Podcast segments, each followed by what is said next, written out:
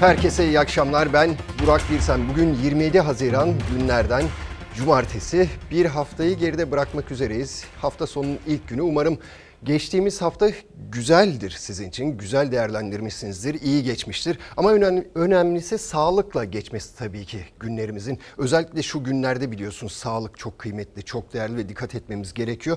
Bugün haber başlıklarımızdan biri elbette sağlığımızı ilgilendiren en önemli konu koronavirüs.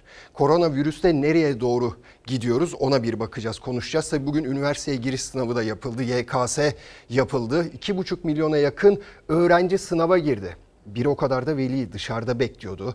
Hem üniversiteye giriş sınavı için ter döktü onlar hem de koronavirüs önlemleri konusunda bir sınav verdiler. Ona da değineceğiz. Başka kıdem tazminatına bakacağız. Çok çok çok önemli kıdem tazminatı. Günlerdir haberini yapıyoruz. İki sendika bu konuda uzlaşmıştı. Elbette ortak bir fikir beyan ettiler, tepkilerini dile getirdiler ama Cumhurbaşkanı Erdoğan az önce bir açıklama yaptı. Açıkçası ben dinlerken biraz şaşırdım kendisini. O neden şaşırdım birazdan anlayacaksınız haberin içinde. Ona değineceğiz. Başka barolar tartışmasına bakacağız elbette.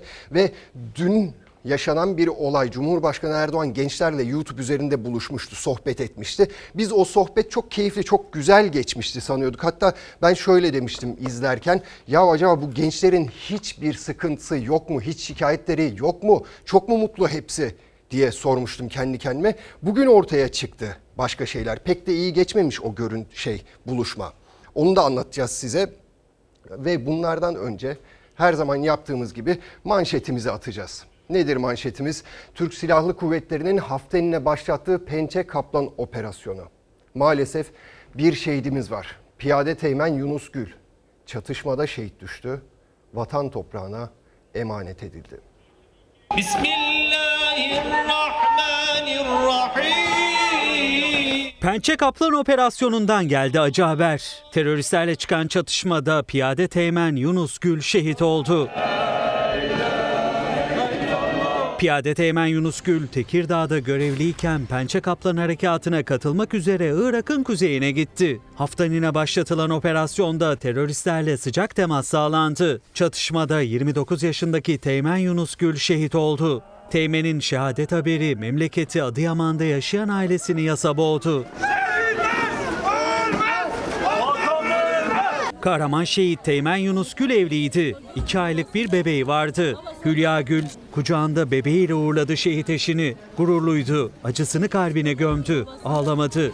Baba sonra avuktu bir şey dedi biz görmedik. O gördü biz görmedik. Piyade Teğmen Yunus Gül Yeni Mezarlık Camisi'nde kılınan cenaze namazının ardından dualarla götürüldüğü şehitlikte toprağa verildi. Silah arkadaşları şehidin kanını yerde bırakmadı. 9 terörist daha Pençe Kaplan operasyonunda etkisiz hale getirildi.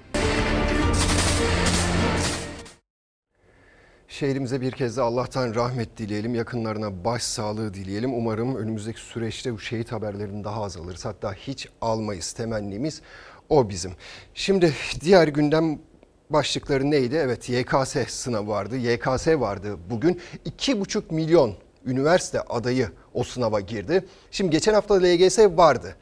İçeride öğrenciler sınava girdiği sırada dışarıda velilerin durumunu eleştirmiştik. Sosyal mesafe hiçe sayılmıştı, korunmamıştı. Bir buçuk metre mesafe demişti ya Sağlık Bakanı en az aranızda olması gereken o mesafe korunmamıştı. Sınavda kalmıştı veliler. Şimdi bugün iki buçuk milyon öğrenci tekrar bir sınava girdiler.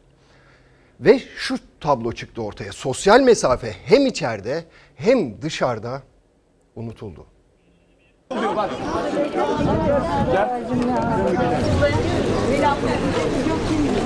İnsanlar çok haddinden fazla iç içe. Zaten sınıfımda asla sosyal mesafe yoktu. Önümdeki öğrenciyle o kadar yakın haldeydik ki bütün sınıfın geneli öyleydi. Uyarılar yapılmıştı, hazırlıklar tamam denilmişti ama dışarıda veliler, içeride ise öğrenciler sosyal mesafe kuralına uymakta zorlandı. LGS'de olduğu gibi üniversite sınavında da kalabalıklar bir aradaydı. Salgın döneminin en geniş katılımlı sınavı YKS'de ilk oturum bu görüntülerle geride kaldı.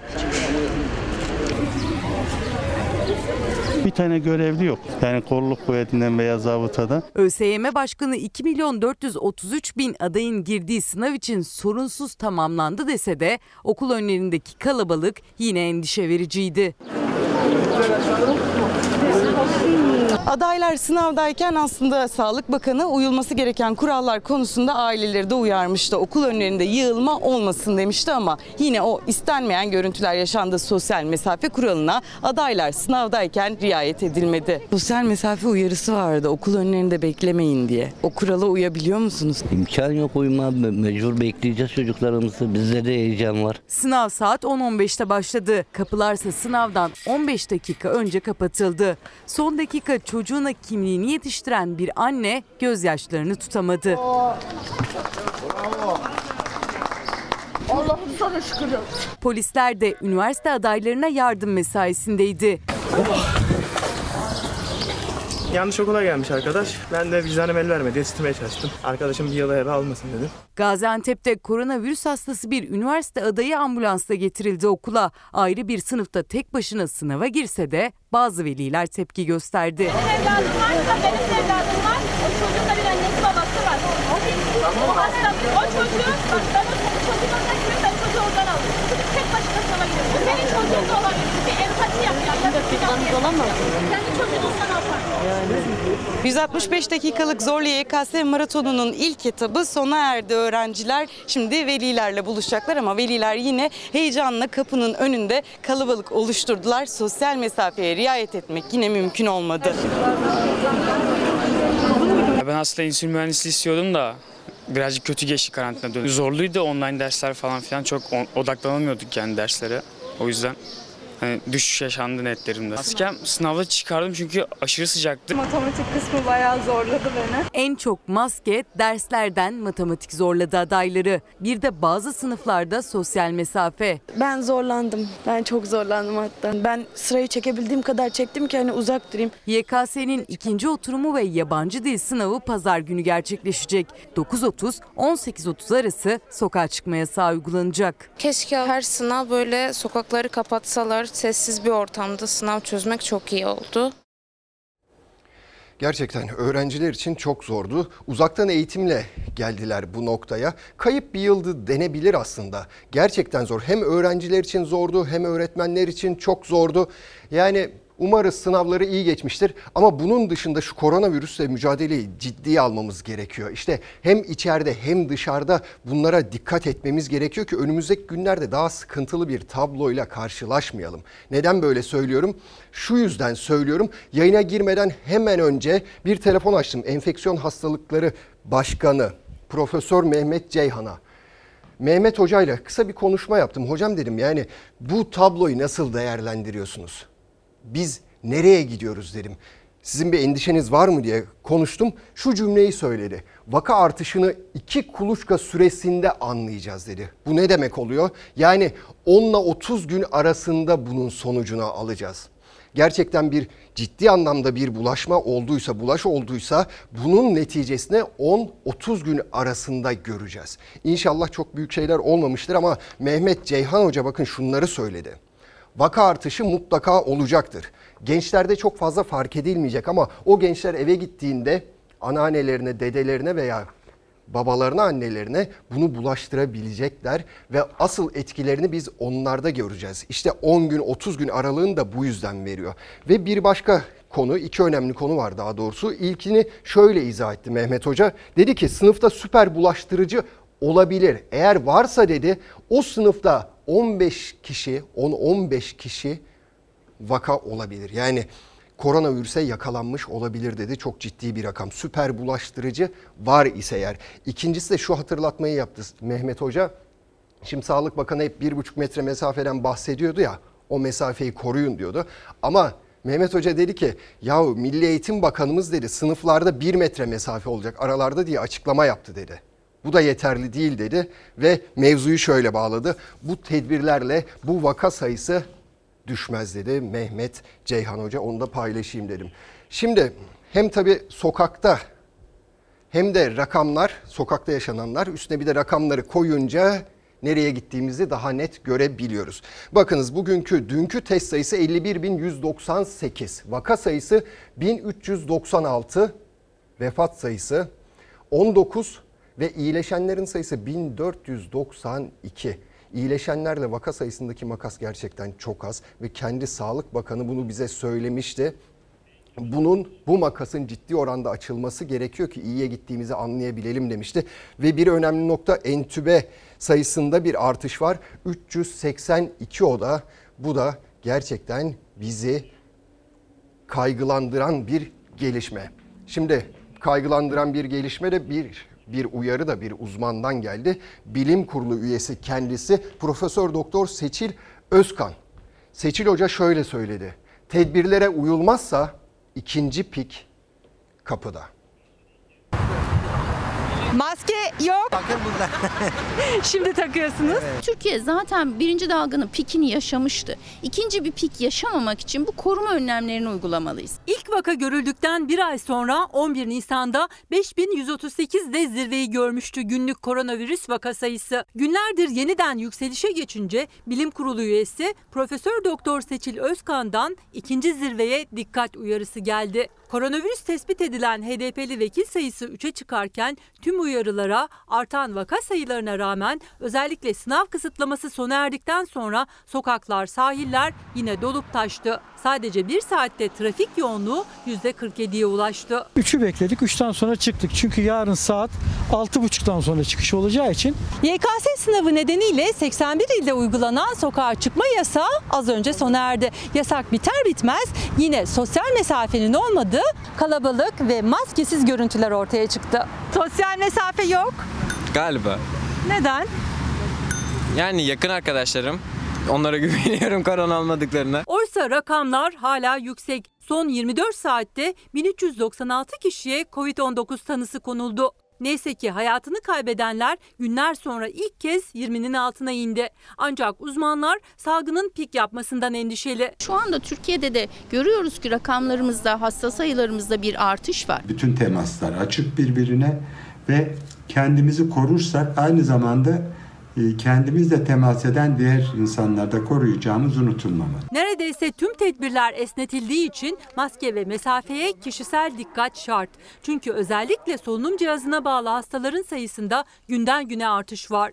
Enfeksiyon Hastalıkları Derneği Başkanı Profesör Doktor Mehmet Ceyhan'a göre entübe sayısının düşmesi için özellikle 65 yaş üstünün çok daha iyi korunması gerekiyor. Saat kısıtlaması olmaksızın dolaşabilecekleri alanlar belirleyip güvenli bölgeler oluşturup oralarda yürüyüş yapmaları ve hava almaları sağlanabilir. Güvenli bölge önerisinin yanı sıra 65 yaş üstünün riskli alanlara da belirli günlerde girebilecekleri bir düzenleme yapılmalı Profesör Ceyhan'a göre. Banka, vergi dairesi, işte kuaför, berber gibi yerlerde haftanın bir günü sadece bunlara hizmet verilmesi sağlanabilir. Bu grubu koruyabilirsek en azından bu yoğun bakım solunum cihazı ihtiyacı olan ve ölenlerin sayısındaki artışı durdurabiliriz. Lütfen sosyal mesafeye dikkat edelim. Ağzımızı kapatacak şekilde maskelerimizi takalım. Salgın ciddiyetini korurken hala kuralları hiçe sayanlar var. Sadece YKS'den sonra değil, gece İstanbul Moda sahilinde, gündüz de Çekmeköy'deki bir sokak düğününde birbirine yakın dans edenler vardı. Size idari ceza uygulayacağız maske takmadığınız için. Abi yapma ya. Ya özellikle şu halay görüntüleri hani gülüyoruz ama acınacak halimize gülüyoruz derler ya çok endişe verici. Yani hala biz halay çekme peşinde koşuyoruz. Ya insanlar ölüyor. Her gün işte 20 tane 30 tane insan ölüyor ama biz halay çekmeye, gülüp eğlenmeye devam ediyoruz. Sanki hiçbir şey yokmuş gibi. Ha bir de yani sizinle beraber o virüs de halay çekiyor. Siz gülerken o da size gülüyor. Bunlar ne yapıyor diye belki. Şimdi 65 yaş üstü uyarısı da Mehmet Hoca'nın çok önemli tabii. Haftada bir kez onlar için bankalar, berberler, kuaförler vesaire açılsın diye belki bilim kurulu bunu da dikkate alır. Şimdi diğer bir konumuz, diğer bir konumuz Cumhurbaşkanı Erdoğan'la öğrencilerin buluşması. Gençlerin buluşmasıydı. Dün YouTube kanalı üzerinden canlı yayında bir araya geldiler. İşte dertlerini anlattılar. YKS öncesi Cumhurbaşkanı başarılar diledi. Onların derdini dinledi falan ama demin başta da söyledim ya ben izlerken acaba bu öğrencilerin hiç mi sıkıntısı yok? Hiç mi derdi yok? Hiç mi bir şikayetleri yok da Sayın Cumhurbaşkanı'na bir şey söylemiyorlar diye düşünmüştüm. Ama gelin görün o sözler ve görüntülerin dışında yorumlara baktığınız zaman asıl aslında işin öyle olmadığını gördük bugün. Nedir o? YouTube kanalında o canlı yayın izlenmesi sırasında beğeniler oluyor biliyorsunuz. Beğenen beğeniyor ama beğenmeyenler çok daha fazlaydı. Ve bir YouTube kanalında ilk kez beğenmeyenlerin sayısı o noktaya ulaştı. Yorumlar da keza öyle. Yine çok farklı yorumlar vardı. Gençlerin hükümete ciddi bir uyarısı vardı.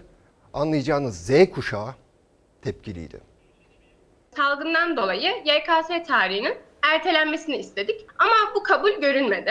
Acaba sizler mi bizim bakış açımızdan bakamıyorsunuz duruma ya da bizler mi abartıyoruz durumu? Yeni tarih belirsizliğe karşı bir tedbir olarak tespit edilmiştir. Sınav tarihlerinde de bu tarz tedbirli davranışlar kaçınılmaz bir durumdu. Video konferans ekranındaki gençlerin sayısı kısıtlı olsa da 1,5 milyondan fazla genç de sosyal medya üzerinden takip etti o yayını. Yorumlarını da katarak üniversite adayı gençlerin yayın esnasında o yok mesajları Erdoğan'la gençlerin buluşmasını siyasetin konusu yaptı. Z kuşağının kimseye eyvallahı yok, kimseden korkusu yok, oy moy yok, helal olsun. Bak Murat, ceketin, elbisenin duruşu iyi değil. Biraz şey Öyle mi duracaksın? Yok, Göbek çıksın. Yok.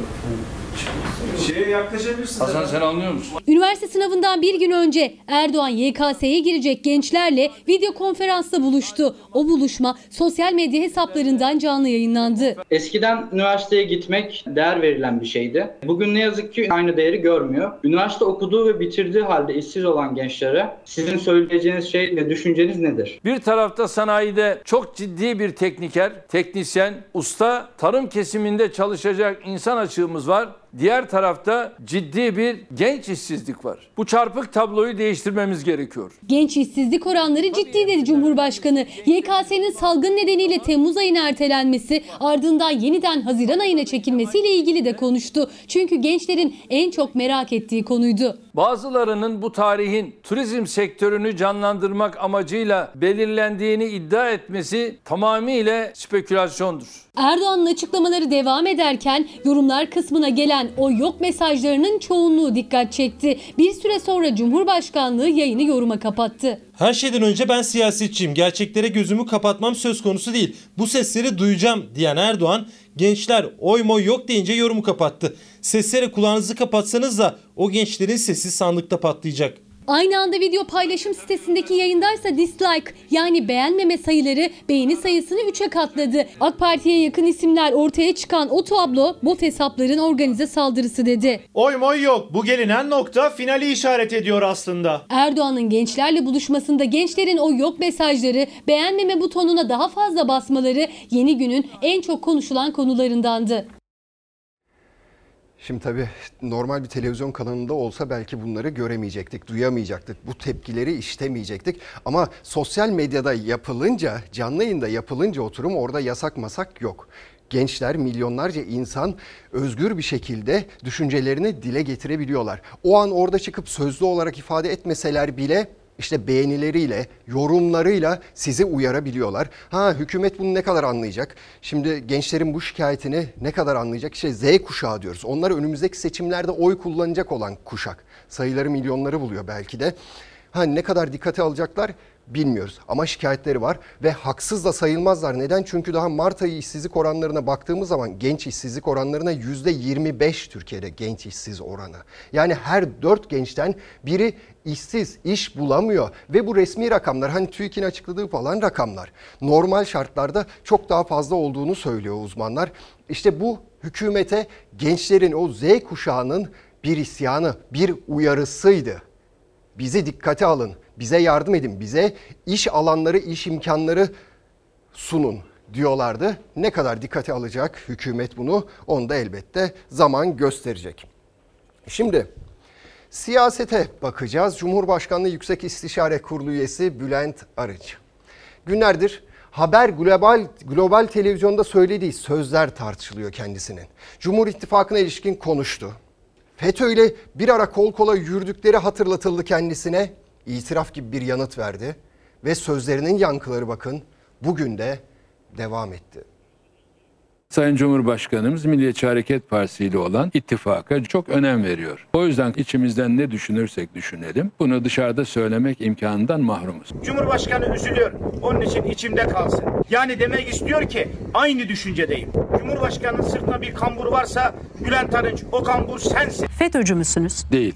Bu bana yapılabilecek en kötü bir iftira olur. AK Parti MHP ittifakından FETÖ fena halde rahatsız. Cumhur İttifakı FETÖ'nün korkulu rüyası. Bay Arınç FETÖ kimden rahatsızsa ondan rahatsız. Siyaset Bülent Arınç'ın açıklamalarını konuşuyor ama en çok da MHP ve AK Parti. Daha önce MHP AK Parti'ye oy kaybettirdi diyen Arınç bu kez MHP sorusuna içimizden geçeni söyleme imkanımız yok.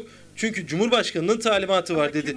MHP Ordu Milletvekili Cemal Engin Yurt sosyal medya hesabından bir video ile Arınç'a yüklendi. MHP'liler hiç kimsenin sırtında kambur olmamıştır. Onurlu, şerefli bir harekettir ülkücü hareket. Sana hakkımızı helal etmiyoruz. Yazıklar olsun sana. Sayın Erdoğan'ın yanında mısınız yoksa karşısında mısınız? Karşısında değilim. Ne kadar yanındaysam o kadar yanındayım. Sayın Cumhurbaşkanımız eğer başımızda olmasaydı biz başarılı olamazdık. Biz de olmasaydık o da eksik kalırdı. Sen yoksun yanında da başarısız mı? Sen var mıydın 24 Haziran'da? 24 Haziran'da kim vardı? Milliyetçi Hareket Partisi vardı. Bülent Arınç'ın Cumhurbaşkanlığı Yüksek İstişare Kurulu üyesi olarak bulunması devlet için bir zul, millet için bir yüktür. 15 Temmuz'da canını ortaya koyan milletimizin yiğit evlatlarının dileği artık gereğinin yapılmasıdır. AK Parti eski milletvekili Mehmet Metiner de Arınç'a öfkesini dile getirdi. Her cümlesinde Bülent Arınç'a FETÖ suçlaması yöneltti. FETÖ ile ölümüne mücadele ettiği süreçte reisin nasıl karşısında olduğunu gördük. Car car car konuşan bir eski milletvekili var. Bugün en çok bağıranlar zamanında en çok onunla içli dışlı olanlardır. Sadece üzerlerine gelmesinler diye daha çok bağırıyorlar. Hünerleri bu. Bülent Arınç'a göre MHP AK Parti'nin sırtında bir yük. Asıl AK Parti'mizin ve reisimizin sırtındaki yük sensin. Fitne bas takiyeci. Arınç kendisine yönelik tepkilere henüz yanıt vermedi. Sayın Bülent Arınç ara sıra konuşuyor ama konuştu mu tam konuşuyor. Günlerce gündemi meşgul ediyor. Tabii insan soruyor yani o dönem niye yapmadı bu açıklamaları? Mesela işte Melih Gökçek'le ilgili sözleri vardı. Ben arkasını getireceğim sonra konuşacağım demişti. Parsel parsel sattı açıklaması. Onun da arkası gelmedi. Ve şimdi bakın masum değiliz hiçbirimiz diye bir ifadesi var Sayın Bülent Arınç'ın. Şarkı sözü gibi ama Şimdi şöyle bir şey var. FETÖ konusunda FETÖ ile ilişkileri sorulduğunda bahsediyor. Masum değiliz hiçbirimiz diyor. E peki masum değilseniz bunun bedelini kimler ödedi? Herhangi bir cezası oldu mu? Cezasını çeken oldu mu siyasette? Ya da siyasi ayağı mesela MHP sizin ortağınızla konuşmak istemiyorsunuz ya hani hakkında aslında her şeyi şey ifade ediyor o sözlerinizle ama MHP de söylemişti kaç kez size siyasi ayağı araştıralım demişti. Hiçbir ses çıkmadı. Bunun bedelini kimler ödedi? Bunun bedelini o dönem FETÖ kumpasıyla cezaevine girenler ödedi. Yıllarca suçsuz yere yatanlar ödedi. Ve o cezaevi sürecinde hayatını kaybedenler ödedi. Ancak başka bir bedel ödeyen açıkçası ben kendi bakış açımla göremiyorum. Ve tekrar Bülent Arınç'a sormak gerekiyor. Doğru ara sıra çıkıp böyle açıklamalar yapıyorsunuz ama vicdanınız gerçekten ne kadar rahat? Yani şu söz masum değiliz demek yeterli olabiliyor mu çekilen bunca acıya rağmen bunu da kendisine sormak gerekiyor. Şimdi bir de barolar tartışması var tabii. Bu FETÖ tartışması gibi barolar tartışması günlerdir devam ediyor. Yeni gelişmeler var. Yeni gelişme şu Ankara Barosu Başkanı konuştu ve şu ifadeyi kullandı. Bu bir FETÖ projesidir dedi.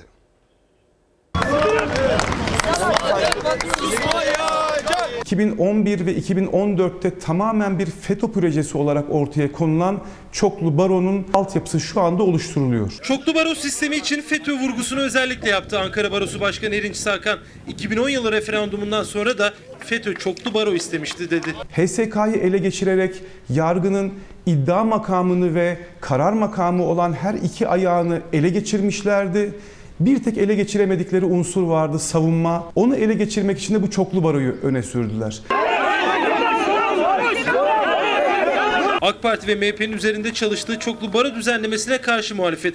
Ancak AK Parti içinden önemli bir isim Cumhurbaşkanlığı Yüksek İstişare Kurulu üyesi Bülent Arınç da ses yükseltti. Ankara Barosu'na kayıtlı bir avukatım. Çoklu baro sistemi fevkalade yanlış olur. Çok büyük yaralara yol açabilir. Ortada taslak bile yokken tekli çoklu bara yönetimi kapsamında cepheleşmek yanlış ve sakat bir vehimdir. Çoklu baro sistemi adliyeye fitne, fesat, nifak tohum ekmektir.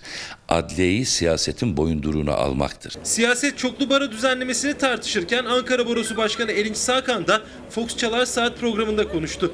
Cepheleşme uyarısı yapan Bahçeli'nin ve AK Parti'nin barolar siyasallaştı eleştirisine de yanıt verdi. Bir terör örgütünün baroları susturmak için ürettiği bir proje tekrar rafların arasından çıkartılıp önümüze sunulmuş durumda. Bu gayrimilli ve gayri ahlaki yapı milletimizin tertemiz iradesinden gücünü alan saygın milletvekilleri eliyle değiştirilmelidir. Siyasetçiler bizi siyaset yapmakla suçluyorlar ama avukatlık kanunun 76. ve 95. maddeleri yargı bağımsızlığını, insan haklarını korumak savunmak ve bu kavramlara işlerlik kazandırmak görevini yüklemiş. Savunma ve onun örgütlü gücü olan barolarla baro başkanlarına yönelik hukuksuzluğu kınıyoruz. Hukuksuzluğa direnen baro başkanlarımızın yanında olduğumuzu bir kez daha bildiriyoruz. Türkiye Barolar Birliği Yönetim Kurulu gazetelere bu ilanı verdi. Baro başkanlarına yapılan müdahaleyi 27 saatlik bekleyiş eleştirdi.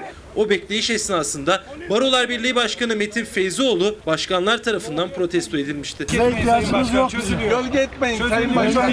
Size rağmen baroları böldürmeyeceğiz. Ortaya konulan tepki çok haklı bir tepkidir. Yalnız bırakmıştır baroları. Şiddete uğramalarına göz yummuştur. Birkaç sevgili arkadaşım gelme seni protesto edecekler dedi. Ben de dedim ki haklarıdır beni protesto etmek etsinler. Avukatlık kanunundaki seçim sistemlerinin değişikliğine ilişkin tasarının da mimarlarından birisidir kendisi. Türkiye Barolar Birliği Başkanı Metin Feyzoğlu'nu iktidarla işbirliği yapmakla suçladı Ankara Barosu Başkanı. AK Parti meclise getirir ve çoklu baro düzenlemesi yasalaşırsa Anayasa Mahkemesi'nden döner dedi. Anayasa Mahkemesi süreci mutlaka ki değerlendirilecektir. Üniter devlet ilkesine çok açıkça aykırıdır. Kesinlikle iptal olacak bir düzenleme olduğunu düşünüyorum. Evet önümüzdeki günlerde göreceğiz bakalım bu düzenleme bu kadar tepkiye rağmen meclise gelecek mi yoksa getirilmeyecek mi? Daha önce bu denenmiştir. Çokça kez denenmişti. Hiçbirinde yasalaşmamıştı. Hayata geçirilememişti. Bakalım şimdi ne olacak ama yanılmıyorsam İstanbul'da eğer bu düzenleme olursa, bu düzenleme olursa 23 tane baro olabilecek. Yani her cemaate, her siyasi parti, her düşünceye yakın barolar oluşturulabilecek. Şimdi şunu sormak gerekiyor burada da. Gerçekten hukukun üstünlüğünü sağlayabilecek miyiz böyle bir aşamada? Bu çoklu baro sistemi bunlar düşünüldüğünde işte cemaatler, siyasi partiler onlar bunlar düşünüldüğünde bir kaos yaratır mı, yaratmaz mı? Elinizi vicdanınıza koyup gerçekten bunun yanıtını vermeniz lazım ve o şekilde hareket etmek gerekiyor. Şimdi diğer bir önemli konu, çok önemli konu kıdem tazminatı. Şimdi hükümet kıdem tazminatını da çıkarmaya çalışıyor biliyorsunuz. Tamamlayıcı emeklilik sistemi dediler hatta bunu makyajladılar. Anlaşılmasın, anlaşılmayacak diye mi düşündüler bilmiyorum artık. Ama niyet belli. Kıdem tazminatını tırpanlamak. Şimdi şöyle bir şey var. Türk İş grev dedi.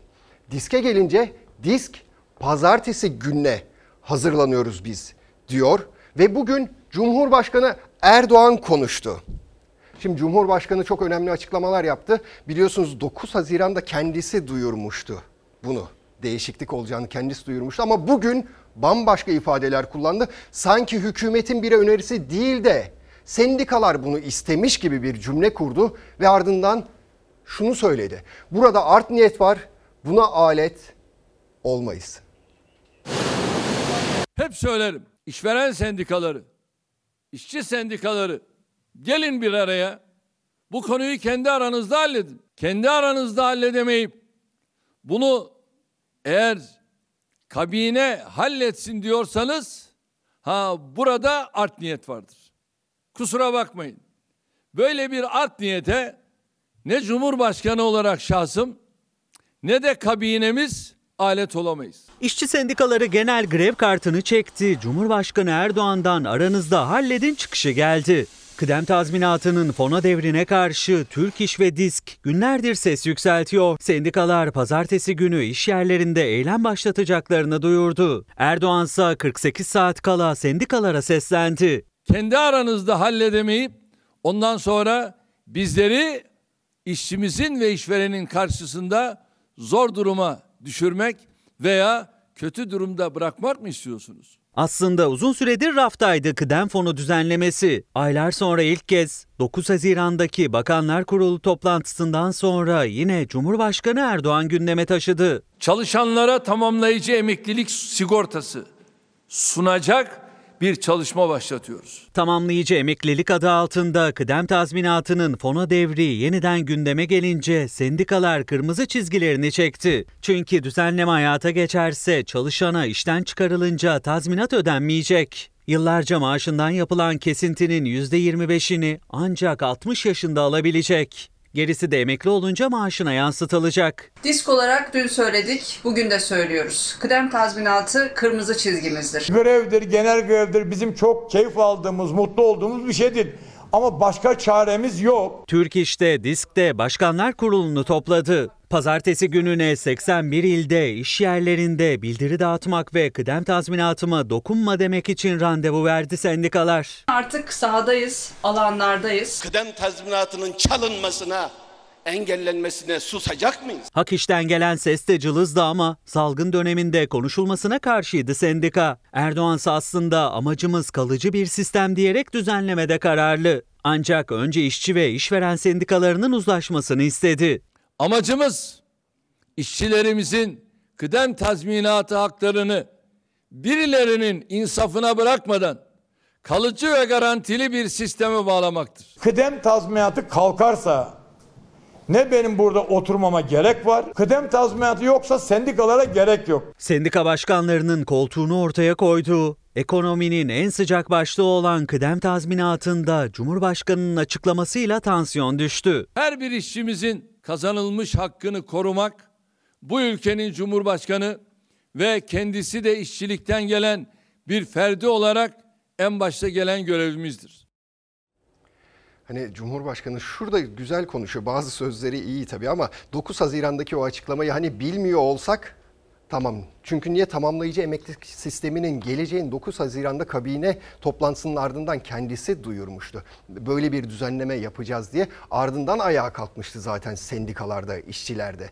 Ve şimdi geldiğimiz noktada sanki sendikalar bu taslağı hazırlamışlar da Sayın Cumhurbaşkanı'na sunmuşlar. Sayın Cumhurbaşkanı da 9 Haziran'da bunu onların ricasıyla bizlerde paylaşmış gibi bir hava var. Öyle bir şey olabilir mi? Tabii ki olamaz. Yani her şeye karar veren tek bir kişi var. Cumhurbaşkanlığı hükümet sistemini yaşıyoruz ve Cumhurbaşkanı karar veriyor. Yoksa sendikaların böyle bir şey yapabilmesi mümkün mü?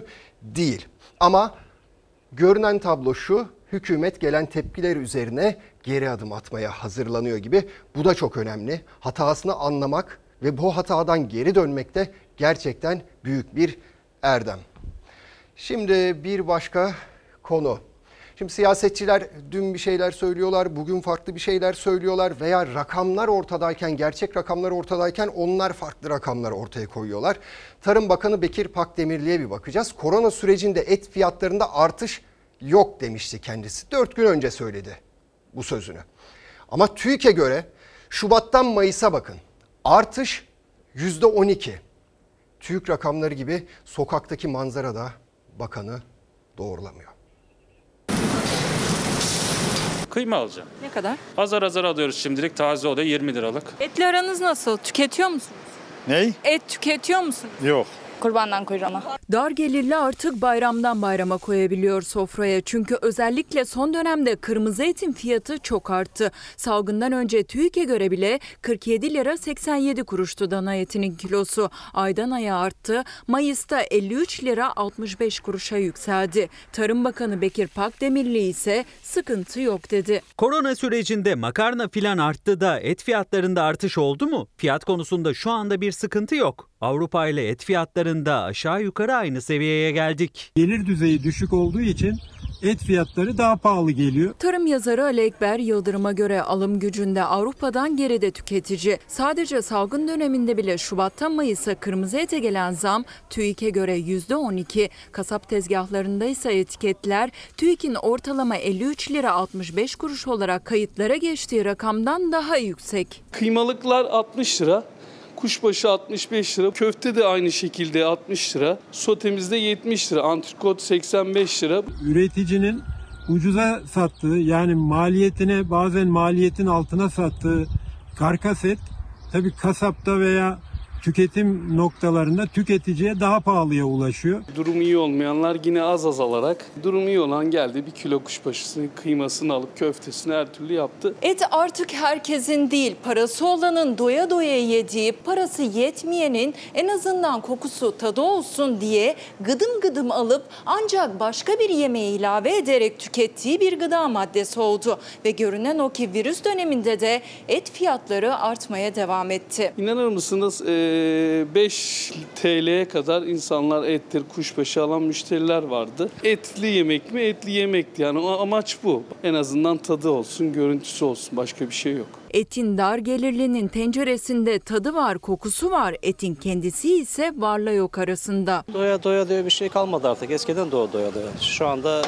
yani yemeklerle karıştırıyoruz. Bazen nadir oluyor yani tek sade et yediğimiz yani. Küçük bir tat katsın diye hani öyle doyarak köfte yemek artık yok. Ya tabağa koyduğumuzda herkese ikişer tane, üçer tane çok fazla yok öyle. Doyup doyup yiyebileceğimiz bir köfte yok artık. Sayın Pakdemirli acaba hangi Türkiye'de yaşıyor? Artmadı, azaldı diyor fiyatlar. Gerçekten Sayın Bakan tavsiyemiz hani vakit bulur çıkarsa, yapmak isterse şöyle çarşıya pazara çıksın da kendi bir et alsın, bir şapka falan taksın. Hani bakan olduğunu da fark etmesin insanlar veya kasaplar, manavlar. Gitsin bir alışveriş yapsın bakalım ne olacak, ne görecek. Ondan sonra da çeksin onu kamuoyuyla bir paylaşsın. Neler bitiyor, neler oluyor diyor. Biz de bilmiş olalım. Belki onun evinin olduğu yerlerde başka bir başka şeyler, fiyatlar olabilir. Ama Türkiye geneline baktığımızda herkeste aynı sıkıntılar var. Şimdi koronavirüsü yaşadığımız şu dönemde ekonomi de biraz daraldı, sıkıntıya girdi ve hükümet piyasa canlansın diye konut kredisi faizlerini düşürdü. Ancak bu sefer ne oldu? Bu sefer de ev fiyatlarını artırdı ev sahipleri. Hatta bazı ev sahipleri öyle zamlar yaptılar ki evlerin geri ödemesi kampanya öncesinde aştı. Genelde arayıp fiyatlarını yükseltme peşindeler bazı ev sahipleri. Değişen bir şey olmuyor. Faizden olan düşüş evin maliyetine geliyor. Bizim bir kazancımız olmuyor yani. Konut kredisi faizleri düştü ama bu kez de ev fiyatları uçtu. Faiz yükünden az da olsa kurtuldum diyenler artan konut fiyatlarından dertli. Çünkü geri ödeme faiz kampanyası öncesine göre düşeceğini arttı. İkiye katladı ev fiyatı. Benim arkadaşım ev alacaktı. 320 liraya anlaştı. Bir hafta 10 gün içinde ev 380 liraya çıktı. Fırsatçılık. Salgın döneminde piyasa canlansın diye konut faizi sıfır evlerde %0,64'e, ikinci elde ise %0,74'e düşürüldü. Başvurular 133 bini geçti. Ancak tüketici bu sefer de yüksek konut fiyatlarıyla karşı karşıya. Düşük faizli kredi kampanyasından önce İstanbul Bakırköy'deki bu evin fiyatı 450 bin liraydı ama sahibi evin fiyatını 100 bin lira yükseltti. 0.99 faiz oranı varken bu evin alıcısı 10 yıl vadeyle 450 bin liralık eve 770 bin lira geri ödeme yaparken şimdi faiz oranı 0.74'e düşmesine rağmen 830 bin lira geri ödeme yapmak zorunda. Ortalama 100-150 bin lira artmış seviyede. Konut kredilerinde faiz oranları düşerken ev fiyatlarının yükselmesi üzerine gayrimenkul uzmanları her evin değerinin net bir şekilde belirleneceği bir mekanizmanın yetkililer tarafından hayata geçirilmesini istiyor. Her daireye özel bir ekspertiz raporunun e, bir kimlik belgesinin olması gerekiyor. Örnek veriyorum şu metrekarede, şu daire, şu sokakta üst limit bu fiyata satılır. Bu fiyatın üstü olursa bir cezası olacaktır. En azından bir önüne geçilebilir. Emlakçılar da ev sahiplerinin fiyat yükseltme baskısına çözümü sözleşme yaparak buldu. Bir daireyi satışa aldığımızda önce sözleşme yapıyoruz. Buradaki fiyat politikasında da fiyatın düşebileceğini ama arttırama, arttırılamayacağını hem kendimizi hem alıcı kişiyi korumuş oluyoruz. Evet fırsatçılığı engellemek lazım gerçekten bu konuda. Şimdi iyi eğitim diyeceksiniz ama iyi bir ahlak da gerekiyor bunları yapmamak için. Ve bir vicdan gerekiyor. Yani yoksa nasıl düzelecek bu durum? İstediğiniz kadar faizleri alçaltın. Şimdi doktorlar diyeceğiz. Onlar da hüsrana uğrayan kesimler. Üniversite hastanelerinde görev yapan onkoloji profesörleri. kanser hastalarını hayata bağlamak için onlar canla başla çalışıyorlar ancak özverilerinin ve çabalarının karşılığını alamadılar. 7 yıldır muayene ücretlerine yapılmayan zam şimdi yapıldı ve sadece 20 kuruş artırıldı. Nefes alıp tutun. Yaklaşık 7 yıl aradan sonra bu arkadaşlarımızın hasta muayenesinde yaptığı ücreti 2 lira bir zam yapıldı. Bu zam kendilerine yaklaşık 15-20 kuruş olarak yansıyor. Onkoloji profesörlerine çalıştıkları üniversite hastanelerinin hasta başına ödediği para 2013 yılından bu yana 112 liraydı. 7 yıl sonra ücretler artırıldı ama sadece 2 lira. Salgın döneminde canla başla çalışmaya, kanser hastalarını tedavi etmeye devam eden doktorların ücreti kesintilerden sonra 20 kuruş artmış oldu. Türkiye'de 170'in üzerinde profesör düzeyinde öğretim üyesi arkadaşım var. Bunlardan bazıları çoğunluğu devlette hizmet veriyorlar. Bizim de hastalarımızın içerisinde Covid ile enfekte hastalar elbette çıktı. Dolayısıyla biz de riski aldık. Daha doğrusu bu camiaların bütünü bu riski aldı. Dolayısıyla eğer bir iyileştirme yapılacaksa bu iyileştirmenin bütün alanlara yönelik olması şart. Aksi takdirde doktorların vicdanları bir miktar yaralanmış olacaktır. Kesintilerle hasta başına 35 lira alıyordu üniversite hastanelerinde görev yapan profesörler. O ücret 7 yıl sonra gelen artışla 35 lira 20 kuruşa yükseldi. Türk Tıbbi Onkoloji Derneği bu küçük artışa tepki gösterdi. Pandemi süresince de onkoloji hastalarının hizmetleri aksamadı. Hatta belki endişeler nedeniyle arttı bile.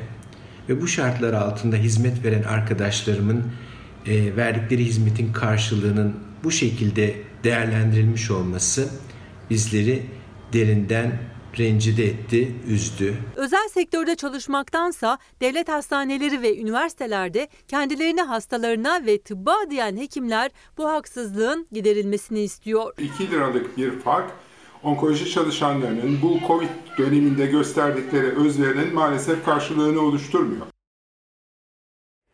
Evet hep söyledim alkışlamakla olmuyor sayın yönetenler. Balkonlara çıkıp doktorlarımızı, sağlık çalışanlarımızı alkışlamakla bu iş maalesef olmuyor. Onlara dokunmanız gerekiyor. 20 kuruşluk zam gerçekten artış ücretlerindeki artış gerçekten şaka gibi. Şimdi koronavirüsle mücadelede dünyaya bir göz atalım. Dünyada normalleşme sürecin başladığı ülkelerde vaka sayısı artmaya da başladı. Özellikle Amerika Birleşik Devletleri'nde yaşanıyor bu durum ve Amerika Birleşik Devletleri şöyle bir önlem aldı artık. Açılan barlar geri kapandı bazıları. Açılan restoranların bir kısmı geri kapandı. Hatta hatta bazı plajlar yaz dönemi olsa dahi kapanmaya başladı.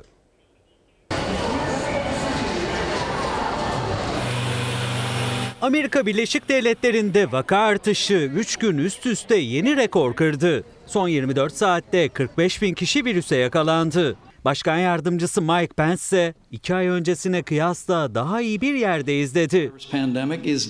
Covid-19'u kontrol eden ülkelerde normalleşme sürerken dünyada can kayıpları 500 bine yaklaştı. Vakalar 10 milyona dayandı. Amerika Birleşik Devletleri'nin güney eyaletlerinde gençlerin sosyal mesafe kurallarına uymamasıyla virüs hızla yayıldı. Ülke 3 gündür yeni rekorlara sahne oluyor. Bir gün önce 40 bin olarak tespit edilen vaka sayısı son 24 saatte 45 bine fırladı. Artış sonrası bir günde 9 bin vakanın tespit edildiği Florida'da eğlence mekanları kapatıldı. Kaliforniya'da halka evde kal talimatı verildi. Bu gelişmeler yaşanırken Başkan Yardımcısı Pence iki ay sonra ilk kez basın toplantısı düzenledi. Virüsün yayılmasını yavaşlattıklarını savundu. Salgın Latin Amerika'da da hızla yayılıyor. Son 24 saatte Brezilya'da 990, Meksika'da ise 719 kişi yaşamını yitirdi. Arjantin, başkent Buenos Aires'te 3 aydır uygulanan karantinayı 17 Temmuz'a kadar uzattı. Komşu ülke İran'da normalleşme sonrası virüsün yayılmasıyla zor günler geçiriyor. Son 24 saatte 125 kişi yaşamını yitirdi. Sağlık Bakanlığı ülkede her 33 saniyede bir kişinin virüse yakalandığını, her 13 dakikada bir kişinin de hayatını kaybettiğini açıkladı. Evet koronavirüsle ilgili güncel rakamlar gelirse birazdan sizlerle paylaşacağız ama öncesinde kısa bir reklam.